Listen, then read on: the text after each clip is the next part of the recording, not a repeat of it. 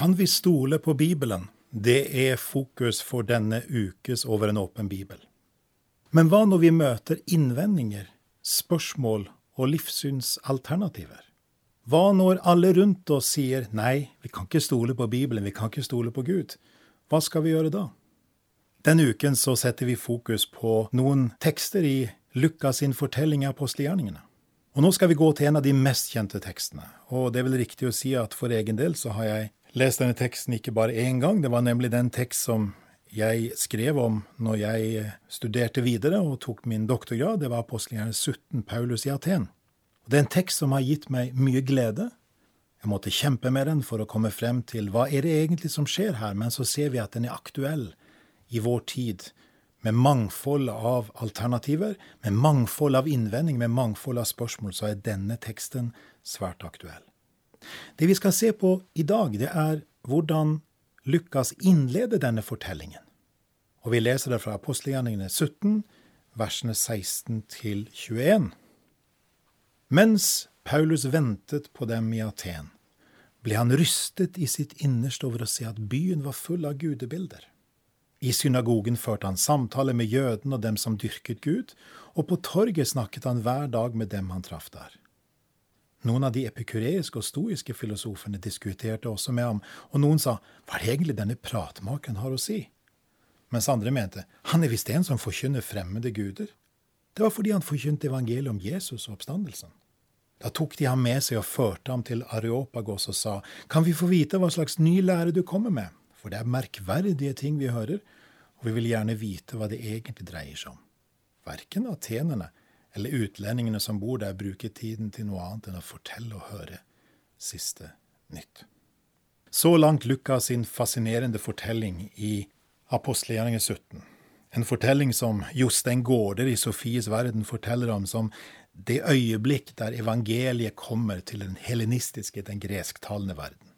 En historisk tekst som har inspirert kristne gjennom alle tider til å bære vitnesbyrd om hvem Gud er i møte med de som ikke har bakgrunn i Det gamle testamentet. Så skal vi akkurat nå denne gangen merke oss noe litt spesielt her. Paulus blir jo misforstått. Det er jammen en trøst for meg i hvert fall at selv Paulus kunne bli misforstått. Hva er det som skjer? Jo, noen sier han er visst en som forkynner fremmede guder. Det var fordi han forkynte evangeliet, kommenterer Lukas, om Jesus og oppstandelsen ikke det interessant? Her møter vi en slags oppsummering av Paulus sitt budskap, fanget i fem ord på norsk. Evangeliet om Jesus og oppstandelsen. Så sentralt var troen på Jesus. Så sentralt var det faktum at oppstandelsen hadde skjedd. Men hvorfor i all verden kunne atenerne da her oppfatte dette som at han forkynner fremmede guder? Da hjelper det med litt bakgrunnskunnskap for oss. Og det er faktisk sånn at eh, her hvis vi ser på den opprinnelige teksten, grunnteksten på gresk, så ser vi at Jesus er et mannlig ord. Det er helt naturlig for oss at eh, Jesus er et mannlig ord, og oppstandelsen, Anastasia, er et kvinnelig ord, et feminin ord.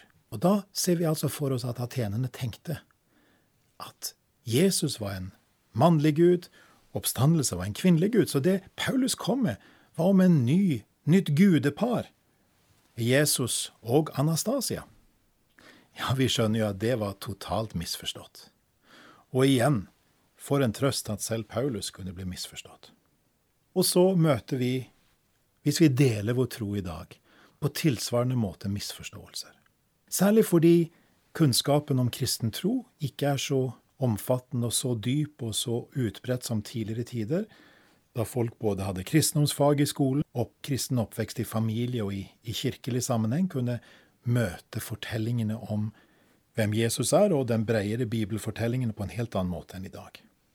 Og da trenger vi å lære, fra Paulus og fra de andre, og fra Lukas sin fortelling, at Paulus var frimodig i møte med de som ikke hadde noen kunnskap.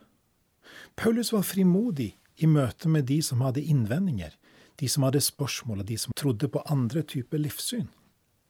Noen ganger får vi anledning til å si noe. Og Hadde vi nå lest videre, så ser vi at Paulus ble invitert inn til en helt spesiell sammenheng. Det såkalte Areopagos-rådet, som hadde som oppgave å, å gi lisens til de heroldene, de budbærerne for fremmede guder. Og da skjønner vi igjen at det var nesten som en slags poeng at Paulus ble misforstått, for da fikk han en mulighet til å formidle evangeliet til denne, denne sammenhengen, dette rådet. Så det er slik at vi møter i hverdagen våre arenaer. Det kan være familie, det kan være venner, det kan være naboer, det kan være kollegaer. Muligheter til å dele noe om kristen tro. Og Da skal vi merke oss, og les gjerne denne teksten videre på egen hånd, fra vers 22 og utover. Så ser vi at Paulus begynner med å bygge en bro. Han begynner med å spørre hva er det vi kan bekrefte i det folk tror på. Og så presenterer han hvem Gud er. Gud som den beste, viktigste forklaringen. Gud som den som har absolutt autoritet. Og Gud som den som ikke lenger er ukjent, men har vist oss sitt ansikt og sitt navn i Jesus Kristus. Igjen møter vi Lukas, som forteller vi kan stole på Bibelen. Vi kan stole på evangeliet. Det er en troverdig fortelling, et troverdig budskap og en troverdig tro.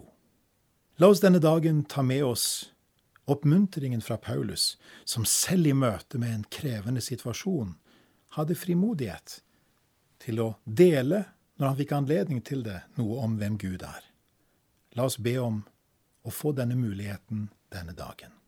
Vi ber. Kjære gode Far i Jesu navn, takk for at du kjenner oss, du vet hva vi trenger til. Herre, vi ønsker å være vitner for deg. Vi ber om at vi må lære av Paulus og de andre vi leser om i Lukas sin fortelling, som så frimodig delte troen på Jesus og oppstandelsen. Takk for at vi kan få leve i den troen også i dag. Amen.